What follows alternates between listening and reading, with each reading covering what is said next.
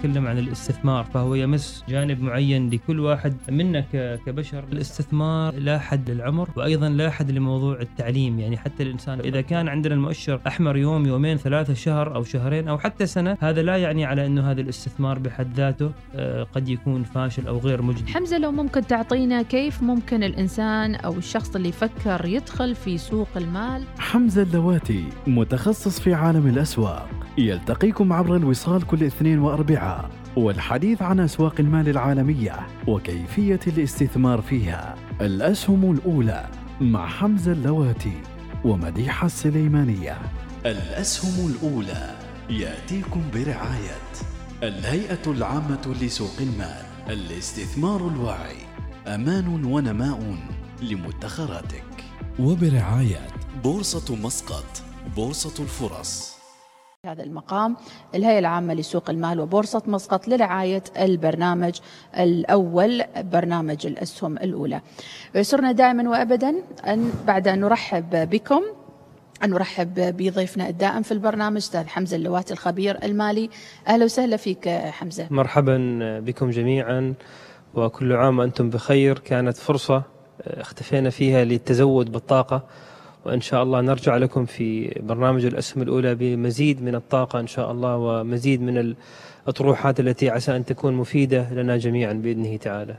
قبل أن نبدأ الحلقة أيضا نوجه التحية والشكر في التنسيق والمتابعة زمزم البلوشي من بورصة مسقط وأيضا نواف العبري من الهيئة العامة لسوق المال. أما في إدارة المرئيات في هذه الحلقة اليوم يرافقنا أكرم الراشدي وروشن. لنبدأ معكم مباشرة الحلقة. حمزة بعد انقطاع لفترة أكيد كثير من الأمور تغيرت في السوق العالمية وأيضا في المعطيات السياسية والاقتصادية. ماذا ممكن يمكن أن نقول.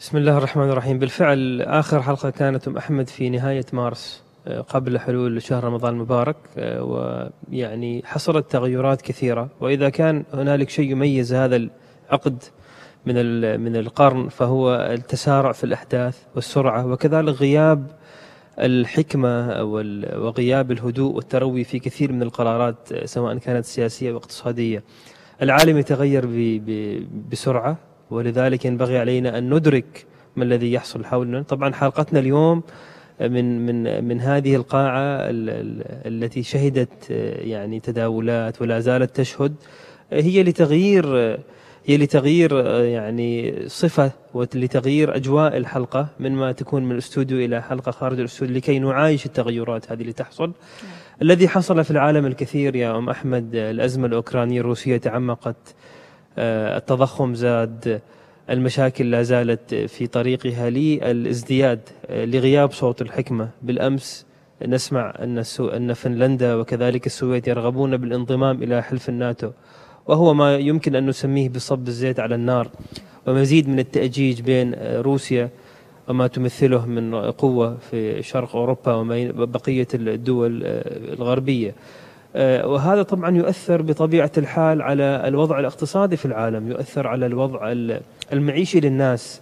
الأزمة الأوكرانية عمقت التضخم لأنه أوكرانيا تمثل من أحد أكبر مصدري القمح في العالم.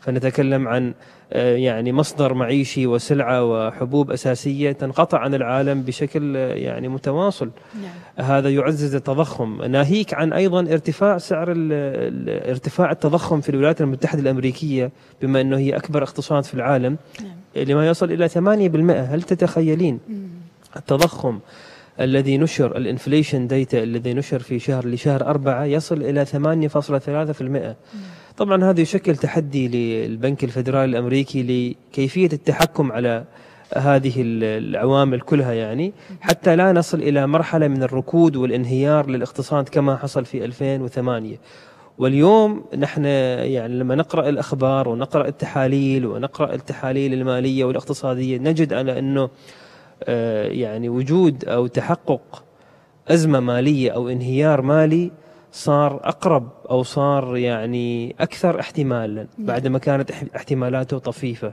ولكن مع كل هذه المشاكل التي أتت مرة واحدة حرب أوكرانيا التضخم المعيشي آه، كذلك ارتفاع أسعار النفط كلها حصلت مرة واحدة. لكن كثير من الأشخاص كانوا يعتقدون أو من الشارع العام كانوا يعتقدوا بأنه آه، بعد آه، انحسار جائحة كورونا ستعود الاقتصادات للارتفاع مجددا سيكون هناك العرض والطلب وفتح الكثير من الأنشطة لكن يبدو أزمة أوكرانيا دخلت في الخط. هو لما لما تقارنين الاقتصاد من ناحية يعني نسب الباحثين عن عمل أو البطالة فهي نسب منخفضة مقارنة مع أيام كورونا. يعني الولايات المتحدة الآن تسجل أدنى مستويات الان أو الباطلين عن العمل أو الباحثين عن العمل ولكن آه، هذا ليس فقط كل شيء لأنه التضخم الذي يحصل يعني 8% ارتفاع أسعار البنزين هذا أيضا يعمل على يعني تقليل القوة الشرائية لكثير من الناس غير عن كذا يوم أحمد كثير من شركات التقنية كثير من الشركات الناشئة هذه الشركات حتى المشاهد يفهم لماذا أسهمها تنزل نعم. كثير من هذه الشركات معتمدة على قروض بنكية على تسهيلات واعتمادات بنكية نعم. هذه الشركات في 2020 كانت نسبة الفائدة من يعني على تسهيلاتهم واعتماداتهم البنكية قليلة جدا تصل إلى فاصل 5% أو أقل. ولكن الآن مع ارتفاع التضخم البنك الفدرالي ليس له حل إلا أن يرفع سعر الفائدة. عندما يرفع سعر الفائدة هذه الشركات تتضرر لأنه هي حتدفع أكثر في نسب الفائدة للبنوك بالتالي تكون هوامش ربحيتها أقل. لذلك نجد أنها سعر سهمها ينزل وينخفض بل ينهار لأنه هي اعتمادها كثير على الكاش من البنك. غير عن الشركات التي هي تتمتع برصيد مالي ونقدي قوي وكافي. بسيولة تلك نعم. الشركات لا تتضرر من التضخم الذي يحصل على مدى السنين. هل من أسباب التضخم أيضا أستاذ حمزة وأنت كخبير مالي أيضا آه، زيادة نسبة الفائدة في البنوك الأمريكية اللي تم الإعلان عنها أو يتم دراستها؟ وهل سيطال الخليج أيضا زيادة نسبة الفائدة في البنوك؟ هو هو زيادة نسبة الفائدة عادة يعني قرار يتخذ من البنوك المركزية أو الفدراليه لكبح جماح التضخم، فلأنه التضخم جالس يزداد شهر بعد شهر، أسبوع بعد أسبوع والبنك المركزي أو الفدرالي الأمريكي يراقب يعني نسب التضخم نعم. فهو عادة يتخذ قرار رفع أسعار الفائدة، لماذا رفع أسعار الفائدة؟ لأنه أنت عندما ترفع أسعار الفائدة أنت أيضا تحد من قدرة الشركات على الاقتراض. أنت أيضا تساعد في تقليل قيمة آه، تقييم هذه الشركات، وهذا الشيء طبعا يساعد إلى يؤدي إلى أيضا خسارة بعض الشركات أو إلى مثلا فقدان بعض الناس لوظائفهم نتيجة خسارة تلك الشركات. بالتالي بالمحصلة التضخم يقل.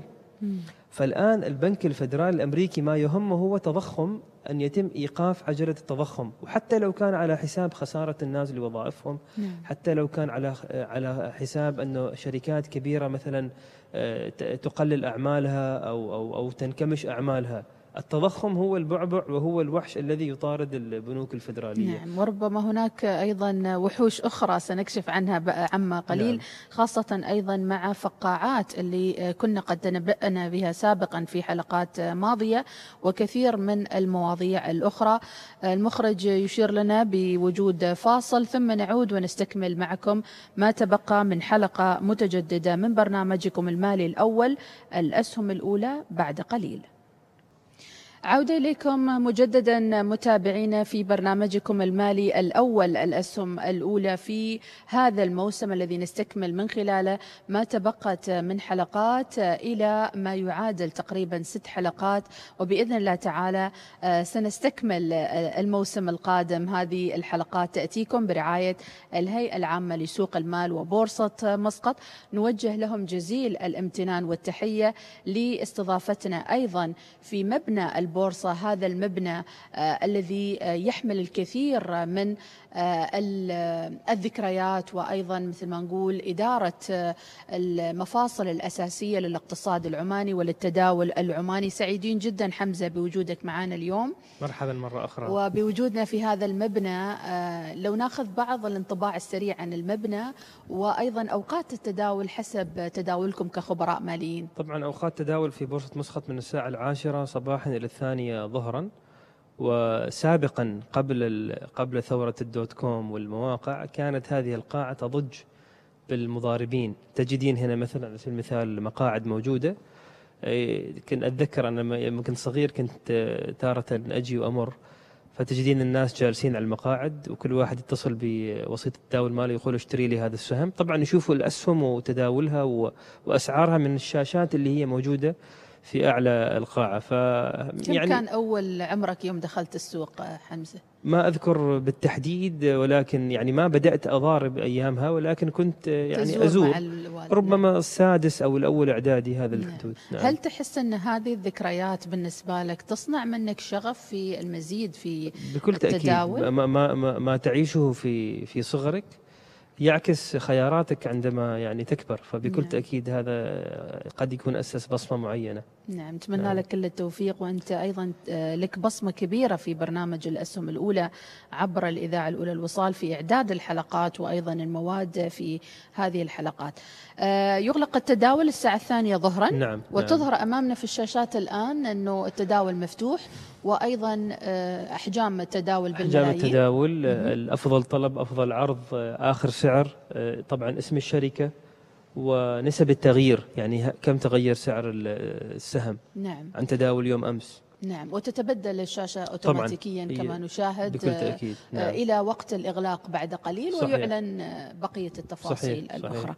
قبل الفاصل كنا نتحدث حمزة عن آه، الفقاعات التي ظهرت أيضا مع الأزمات المالية خلال نقول مثلا الربع الثاني من هذا العام فكيف يمكن أن نحلل هذه الفقاعات؟ محمد لو تذكرين عملنا حلقة متخصصة تكلمنا فيها كانت في بداية السنة تكلمنا فيها عن فقاعة الدوت كوم وكيف يمكن أن نستفيد ونأخذ العبر لكي لا نسقط في ال- المشاكل التي سقط فيها الجيل اللي قبلنا وهذه الفقاعات آه، طبعا دائما تحصل في كل جيل وفي كل آه، يعني مرحلة مهما تطورت البشرية لأنه الإنسان بطبعه آه، دائما يسيطر عليه شعور يعني الطمع أو الخوف.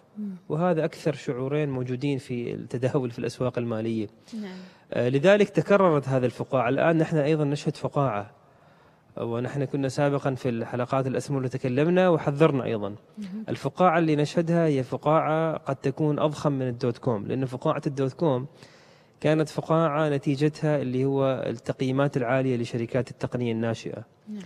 ولكن الآن نحن نشهد فقاعات مختلفة. فقاعة التضخم آه، هي هذه مشكلة. وكذلك الشركات التي زادت أسعارها في 2020 و2021 ليس نتيجة أدائها أو نتيجة أرباحها ولكن نتيجة أنه الفيدرالي الأمريكي البنك المركزي الأمريكي خلال فترة اللي يسموها دي انفليشن اللي هي عكس التضخم الفترة اللي كان فيها يعني ما كانت الأسعار ترتفع فيها عمل شيء اسمه إنه هو ذهب إلى من خزينة الدولة ذهب ويستثمر في الصكوك والسندات والأسهم. لذلك كثير أسهم كانت مش يعني أسهم ذات جودة ارتفعت مم. ولما ارتفعت هذه الأسهم كثير من صغار المستثمرين يعني يعني انغروا وذهبوا واشتروا تلك الأسهم على يعني على أسعار مرتفعة. اللي حصل بعدها إنه حصل عندنا انهيار كبير يعني أم أحمد نتكلم عن انهيار 90% يعني سهم كان سعره 100 دولار وصل ل 10 دولار آه، نعم. فاذا أنت استثمرت مثلا 100 دولار في ذلك السهم. ما تبقى من ال 100 دولار 10 دولار. فهذا طبعا يسمى بأنه ال- ال- الفقاعة هذه انفجرت. هل في أسهم محددة أمريكية أو معروفة؟ نعم نعم. أنا أذكر مثلا سهم Teladoc TDOC أذكر مثلا سهم أيضا في السيارات الكهربائية معروف ولا زالت شركة قوية ولكن مع هذا النزول الكبير أيضا سهم نزل اسمه شركة نيو. آه، وعندنا كثير المئات من الأسهم يعني. طبعا اللي صار هذه الحالة هذه الفترة كل الناس اللي دخلوا الأسواق في 2020 وعملوا أرباح وما باعوها. وعلى بالهم إن السوق المالي سهل. إنك تشتري سهم يرتفع وإنت حققت آه، يعني مكاسبك. كلهم الآن هؤلاء للأسف لبالغ الأسف آه، خسرانين. وكثير منهم قد فقد الأمل بالسوق وخرج. وعندما يفقد الناس الأمل بالسوق وعندما تزداد حالات اليأس ندرك حينها أن السوق وصل لمرحلة القاع ومن. بعدها حيرتفع لمرحلة آه، يعني مستقبلية أخرى ربما الآن سيكون في لا ارتفاع. أنا أتوقع لا زلنا لم نصل للقاع. هنالك ألم أكثر قد يأتينا في قادم الأشهر مهم. إلى أن يتم التحكم بالتضخم وبالمعدلات الاقتصادية العامة. عندها نستطيع أن تقول نحن تجاوزنا هذه المرحلة. نعم. إذا ما سمح الله لم نشهد يعني هبوط أو recession بما يسمى باللغة الإنجليزية. إذا نعم. ما شهدنا إذا صار عندنا recession. فالتعافي من ال recession قد ياخذ سنتين أو أكثر. سنتين أو أكثر. نعم نعم. دائما ناخذ منك نصيحة للمتداولين في الأسهم العالمية أول شيء ثم آخر شيء نختمها بأداء بورصة مسقط لليوم. المتداولين الفترة الماضية كانوا في نعيم وكانوا في راحة وحالة من الرخاء. الآن ماذا ممكن أن نقول لهم في فترة الفقاعات وفترة ال- الأشياء اللي في فترة الفقاعات إذا كان لديك رصيد نقدي فتوجه لشركات آه، يعني نزلت ليس لأسباب جوهرية نتيجة عم- عملية تجارية ولكن نزلت لأن الحال العام للسوق في نزول. توجه لشركات ذات جودة وأبحث عن شركات توزع توزيعات نقدية أو ما يسمى بالديفيدنس لأنه. قد يطول الانتظار نعم فأنت مثلا تستثمر في شركة وفقط تنتظر ارتفاع سعر سهمها ما تكسب شيء مم. حاول تبحث في حاول يعني إنك إنك تضع في محفظتك شركات توزع توزيعات نقدية أو أرباح. كانت 4% 5% أو أكثر مم. لأنه خلال الانتظار أنت على الأقل يعني تستفيد تعوض فلوسك شوية. وتضع في حسابك جزء من التوزيعات النقدية أوكي. غير عن كذا كل الأخطاء اللي ارتكبتها أو ارتكبناها سجلها معك في دفتر وقلم أو في أو في الجهاز الحاسب الآلي لأنه هذه الأشياء كل عشر سنوات نجد دائما يعني أزمة مالية فسجلها حتى خلال الفقاعة القادمة لا تكون يعني تعمل نفس الخطأ مم. آه، أنك تعمل خطأ هذا شيء طبيعي هذا طبيعة الإنسان ولكن أنك تستفيد من هذا الدرس ال- الواحد منا إذا خسر مبالغ معينة فليست فليعتقد أو فليقول على إني أنا خسرتها كانه في كورس مباشر في. دورة. هذه هي دورة الأسهم نعم. الواقعية مهم. الآن حان وقت التعلم ضع النقاط على الحروف ولا تعيدها ماذا عن آه، ال- العملات ال- ال- الإلكترونية المشفرة البيتكوين نعم. تكلمنا سابقا عن العملات المشفرة وبدءا على عقب لو نخبر المتابعين أيضا يراجعوا حلقاتنا السابقة قلنا على أنه هذه العملات هي يعني ليست شركات ما فيها عملية إنتاج أو يعني يعني دورة إنتاجية مجرد عملات تخضع للطلب والعرض وترتفع وتنخفض وقلنا أنه هي شديدة الخطورة. والواحد إذا يستثمر فيها ينبغي أن يكون ملما بأساسياتها بقوة. نعم. طبعا البيتكوين نزل نزل من كان بعد ما كان يعني أيامها لما كنا نتكلم عند الأربعين ألف الآن مهم. واصل ثمانية وعشرين ألف. تماما. في عملات مشفرة تماما انهارت وفقاعتها انفجرت مثل عملة بالنسبة لونا يمكن نقول بيتكوين بالنسبة المئوية كم تكون خسرت تقريبا من قيمتها؟ آه، تقريبا أكثر من يعني إذا من إذا نتكلم من أعلى معدل وصلت له. في ست من ستين ألف إلى ثلاثين ألف أو ثمانية وعشرين ألف أنا أنت خسارتك تقريبا آه، خمسين بالمئة. 50% نعم نعم. والقادم أكثر يا أم. أحمد. حسب تحليلي. وقد أكون مخطئ أنه لم ننتهي من موجة التصحيح أو الانهيار في ما الحل لمن يتداولون العملات الآن؟ يخرجوا يطلعوا شو يسوون بالضبط؟ إذا هو ينتظر لمدة طويلة لعشر سنوات. آه، ربما ينتظر إذا مبالغ قليلة يعني. ولكن إذا هو ما يعرف في البيتكوين وما يعرف مخاطرها فالأفضل أنه ما يكون أصلا متواجد فيها. نعم. يطلع وي- وينقذ نفسه ويذهب. في استثمار آمن في استثمار يعني نعم مجدي نعم أداء بورصة مسقط بما أن إحنا اليوم في بورصة مسقط وأيضا تحيط بنا المؤشرات المختلفة آه، ونحن في ضيافتهم أيضا في هذه الحلقة وفي يوم الأربعاء أيضا سنكون آه، في ضيافة بورصة مسقط. وإحنا سعيدين جدا بهذا التعاون طول الموسم الماضي. وصلنا إلى أكثر من 59 حلقة قدمناها في الأسهم الأولى. البرنامج المالي الأول اللي أيضا آه، بدعم من بورصة مسقط والهيئة العامة لسوق المال استطعنا أن نثري الساحة العمانية بمواضيع أهمت الجميع وأيضا كانت قريبة منهم آه، في ظل الجائحة بدينا في سبتمبر وإن شاء الله مواصلين معاكم بإذن الله تعالى لغرض التوعية وهو الهدف الأساسي مثل ما يأكد عليه دائما آه، زميلي الأستاذ حمزة اللواتي والخبير المالي حمزة كيف تجد أداء بورصة مسقط؟ بالرغم من أنه البورصات العالمية كلها يعني أم أحمد لما نقارن بورصة الولايات المتحدة الأمريكية ال S&P تقريبا هي على نزول من بداية السنة لسالب 20% تقريبا. كذلك ناسداك سالب 22% آه، نجد على أن بورصة مسقط آه، لم تنزل مع مع مع البورصات العالمية بل حافظت على توازنها وإيجابيتها. لا زلنا إلى يومنا هذا أداء بورصة مسقط من يناير إلى إلى يومنا هذا 16 مايو تقريبا موجب فاصلة آه، أربعة 0.40 يعني. ممتاز. فبالرغم من القلق ومن الانخفاض الكبير في البورصات العالمية البورصات الخليجية. وهنا نتكلم عن بورصة مسقط لأنها من قلب الحدث حافظت على إذا لم تحقق مكاسب كثيرة على الأقل لم تحقق خسائر عميقة. وهذا هو أهمية التنوع بين الأسواق العالمية. لأن. أنت كمستثمر لا تضع كل يعني استثماراتك أو أسهمك مثلا في سوق الأمريكي أو البريطاني نوع وأنت مثلا كعماني أو كخليجي ضع جزء من استثماراتك في بلدك لأنه في النهاية أنت أيضا مدرك لهذه الشركات يعني الآن أمامنا في الشاشة مثلا مثلا الشرقي للاستثمار الوطني للتمويل شركة الصفاء الأغذية. أنت بإمكانك أن تذهب لتلك الشركات تتابع أخبارها تتابع عملياتها وتعرف عن قرب ما الذي يحصل بها. وهذه هي الميزة عندما تستثمر في سوقك المحلي. جميل. آه كثير من الشركات في في بورصة مسقط يعني شركات أيضا توزع توزيعات ربحية مثلا البنوك بنك مسقط مثلا آه، بعض الشركات أيضا في القطاع المالي والصناعي آه، الأنوار للسيراميك وشركات أخرى تجد على أنه أدائها في تطور آه، وتوزيعات النقدية في تطور ف ينبغي مرة أخرى أن الناس تنتبه في بالذات في مثل هذه الحالات نعم. ارجعوا وانتبهوا لأسواقكم المحلية نعم. وابحثوا عن الفرص المفيدة. موجودة في نعم. الأسواق. ومثل ما نقول دائما هناك شركات متخصصة ومرخصة أيضا من الهيئة العامة لسوق المال تتابع هذه العملية وتنظمها بالقوانين والأنظمة المتعلقة في هذا الموضوع. في نهاية الحلقة قبل أن نختم حمزة نصيحة أخيرة للمتابعين. نصيحة أخيرة للمتابعين الأوضاع التي تمر بها الأسواق العالمية مقلقة أوضاع يعني فعلا نزول يوم بعد نزول ولكن لا يمكن لهذا النزول أن يدوم. دائما الأسواق المالية من العام 1930 منذ بدايتها أو قبلها مرت بأزمات كثيرة ومن بعدها تعافت. فلا تفقدوا الأمل. بالرغم من كل السلبية التي تحيط بالأسواق المالية راقبوا تعلموا وكونوا يعني على حذر من عدم اتخاذ خطوات غير محسوبة وإن شاء الله الأسواق العالمية ترجع لسابق عهدها بعد أن يعني يمر عليها هذا الخريف وتنتهي منه. بإذن الله, بإذن الله تعالى. إذا كنا معكم في هذه الحلقة متابعينا من برنامجكم المالي الأول الأسهم الأولى.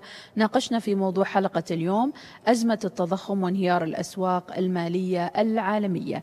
شكرا لمتابعتكم. شكرا لرعاة البرنامج الأسهم الأولى الهيئة العامة لسوق المال وبورصة مسقط. شكرا لاستضافتهم في هذا المبنى العريق.